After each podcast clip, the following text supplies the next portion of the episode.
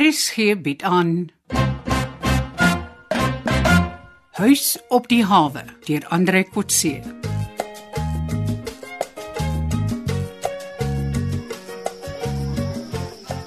Boelie, hoekom moet ons deesdae altyd hier by die plaas staan?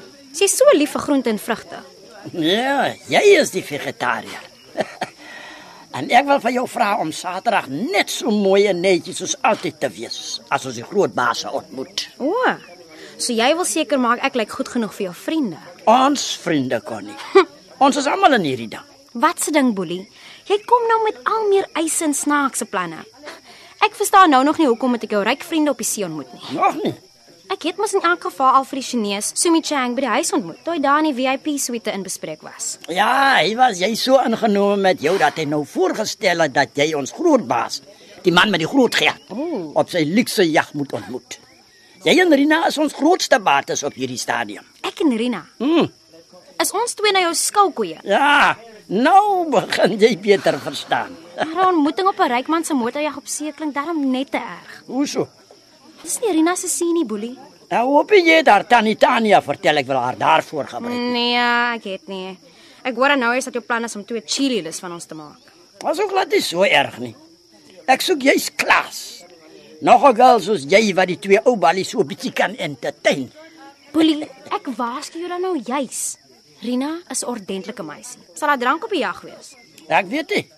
Seker Franse champagne. Dit sal 'n styl wees, nie 'n orgie nie. Ek verstaan nog steeds nie. Wat presies vier ons? Die kersie op die koek van besigheidstransaksies wat vir 6 maande nou al goed werk. OK. Hierdie mense het groot geld kon nie. Ek het jou al gesê. Dit lyk asof ons nou aanbeweeg na groot eiendomstransaksies toe.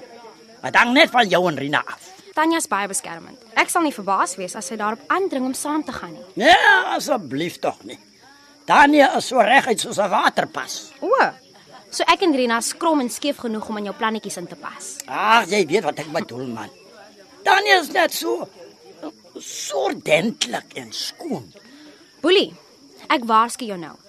As jy vir my en Rina in die middel van die see voer vir 'n paar seksbeluste ou oosterse mans, sal ek jou nooit vergewe nie. en Tanya sal jou in die hoogste hof van die land kaal uittrek. Kom nou, kon nie bedaar.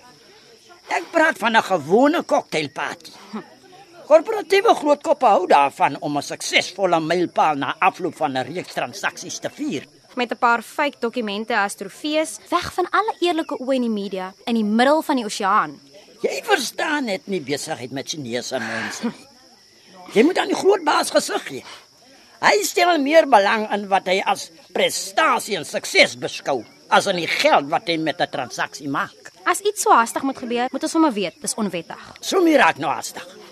Die eienaar van die jag het spesiaal Saterdag vir die dag van oorhandiging hier naby die suidpunt aangekom. Die dag is lankal geskeduleer en hy vertrek weer die aand verder oos. Nou wat van die reëlings? Ek sal later nog die tye bevestig. Saterdag sal ek julle twee met die dokumente op die nightryder van die hawe na die jag neem. Dit sou jy nie so vaar. OK. Dit lyk na 'n mooi stil dag. Maar drink maar julle seesie pilletjies. Jy het in 'n stadium gesê dit sou 'n helikoptervlug wees. Nee, dit trek te veel aandag en is onnodig duur. En die seremonie self? As ons aankom, kry julle 'n luukse kamer op die jag waar julle kan verfris. Reg. Daar is 'n kort formele oorhandiging en fotosessie. Geen toesprake nie en daarna Oh. cocktail. Ooh. Na 'n uur of as julle klaar gekuier het, bring ek julle terug met my boot. Nou maar goed. Kry ek en Rina vergoeding vir hierdie optrede van ons? Natuurlik. Jy en Rina kry R50000 elk vir die huisplan en die sketsplan. Maar daar is meer geld vir appearance fees vir julle albei.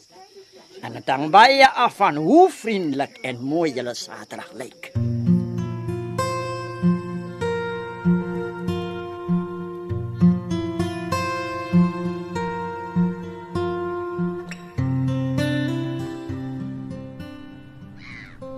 So Tanya, dis dan die storie in die reëlings. Ek stel voor Rina trek iets bietjie meer formeel aan as gewoonlik. Oef, Dit sal moeilik wees om Rina te oortuig om iets meer as 'n bikini met 'n toppie en jeans behoor aan te trek. Maar sy kan moeilik in 'n cocktailrokkie. Jong, die baie geld vir die verhandelingsskets pla my nog. Die vergoeding pas perfek in met die kliënt se behoeftes. 'n Multimiljoen ontwikkeling wat hy ergens wil gaan doen. Ons hoef nie fakture te lewer nie. Boelie sal kontant betaal en ons vra nie vra nie. Nou ja, dis nie my manier van doen nie, maar dis ook nie my transaksie nie. Ek is nou meer as ooit oortuig dat Boelie saam met daai Chinese oneerlik is en misdade beplan. Hoekom sê jy so? Boelie het erken dat hy net doen wat hulle wil hê. Die hele vertoning is eintlik een groot bedrogspel. Toe maar. Ons moet die vertoning gebruik om die bedrogspil op hulle koppe om te keer.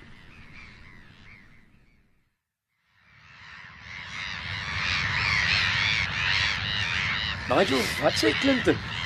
Hier sy mond is so toe soos 'n oester. Ja, hy het so groot geskrik na sy ongeluk op die see. Hy praat eens meer met my nie. Dit was mos hier ongeluk nie. Ons het hom van verdrinking gered. Ja, ek weet.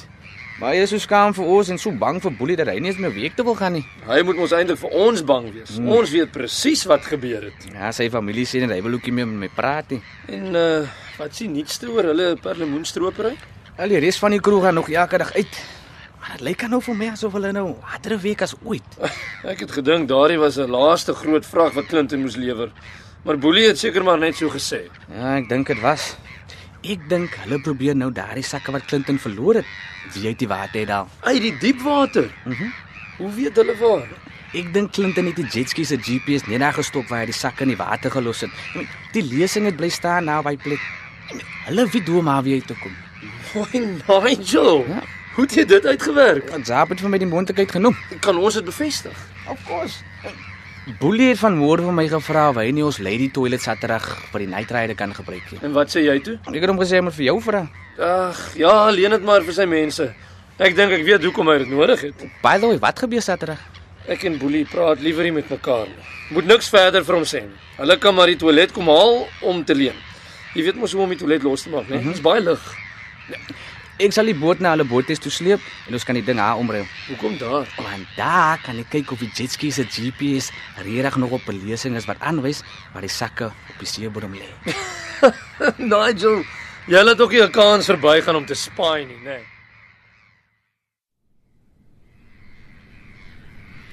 Dankie julle dat julle ingekom het na die huis toe.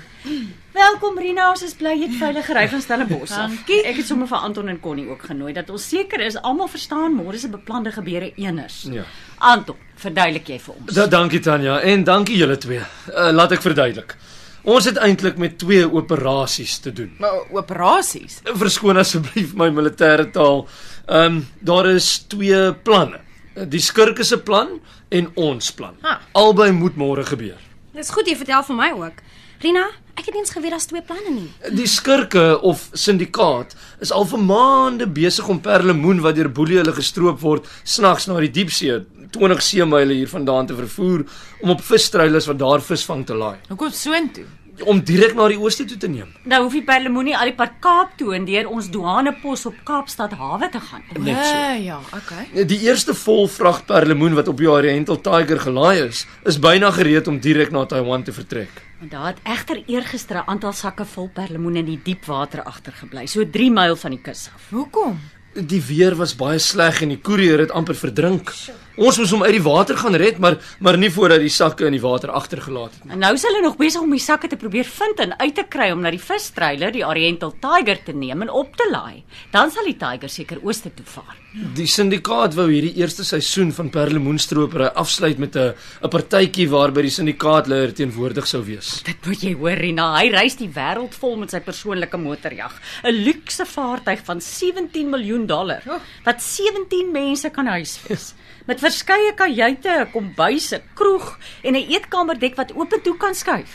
Intussen het die syndikaatleiers twee Chinese, twee ander inisiatiewe ook onwettig van stapel gestuur. Die een is om my huis op die hawe te bekom en op te gradeer tot 'n moderne waterfront gebou wat moet lyk soos 'n restaurantkompleks, maar wat eintlik moet dien as 'n hoofkwartier van die sindikaat in Suid-Afrika. O ja, dit klink bekend. Is dit hoekom hulle so op tannie se senuwees gewerk het? Wag eers dat ek Anton klaar vertel. Die ander inisiatief is om planne te bekom om eers hier of in die ooste 'n teelplaas vir perlemoen te bou. Aha. Toe hulle met Boelie se hulp Rina se verhandeling oor so 'n teelplaas sien, het een van die leiers gedink dis 'n unieke geheime ontwerp en hy het vir jou R50000 aangebied vir die dokument, onthou jy? Ek wil dit nog sien. Wag, ek het jou mos gesê van 'n oorhandiging. Hulle het gevra dat jy en Connie môre saam met Boelie na die luukse motorjag vaar om die teelplaasplanne formeel aan die syndikaatleier te oorhandig. En nou, hier volg ons planne. Maar wag, gaan gaan ons nie hou by hulle planne nie. Wag my kind. Maar ek dink ek gaan regtig R50000 rand kry. Jy gaan, luister nou. Hierdie deel, ons plan, moet julle asseblief vir niemand vertel of buite daaroor praat nie. Ja, asseblief nie.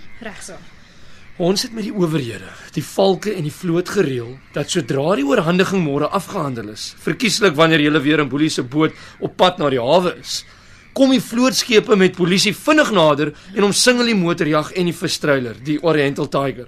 Arresteer al die syndikaatlede en bemanningslede, konfiskeer die vrag van die Tiger en neem die vaartuie na Simonstad. Marina, jy en Connie kom dadelik terug hawe toe.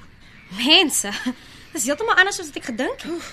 Ek is bekommerd oor my grimering en my cocktailrok en hoe ek dit sal netjies hou na 'n uur op die see en of ek sal seesiek word. Nou is dit 'n militêre operasie. Gaan daar 'n skietery wees? Nee, wat? As alles reg uitwerk, kan julle nog altyd julle modelwerk en party skills gaan oefen. Dis net die einde van die partytjie wat vir Boelie en Kie 'n bietjie bederf sal word. As alles goed uitwerk, gaan ons nog altyd voortgaan met die partytjie, maar net hier in die huis in plaas van op die Chinese motorjag. Nou moet julle gaan regmaak en vroeg gaan slaap sodat julle môre reg is. Ja. Tanya vat julle half 9 hawe toe na Boelie se boot toe. O ja, Rina en Connie, ek en Anton en 'n paar valke gaan julle volg in sy skieboot so op 'n afstand vir ingeval julle dalk hulp nodig het. Ons sal nie binne sig van julle wees nie, maar ons sal 'n nuwe hommeltuig in die lug opstuur om van bo af seker te maak julle is veilig en sommer dan om die hele operasie op ons TV-skerm te volg. Reg julle, sterkte vir môre.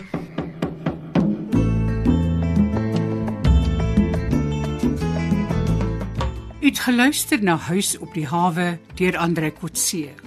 Die spelers die week was Tanya, Johnny Combrink, Boelie, Chris Magid, Anton, Pierre Nelson, Pauline, Zenobia Kloppers, Rina, Rulien Daniel, Japie, Pieter van Sail, Nigel, Jared Geduld, Connie, Randy January en Carolus Johan Stassen. Die spelleiding is behartig deur Ronel Geldenhuys en die tegniese en akoestiese versorging is gedoen deur Cassie Lauers.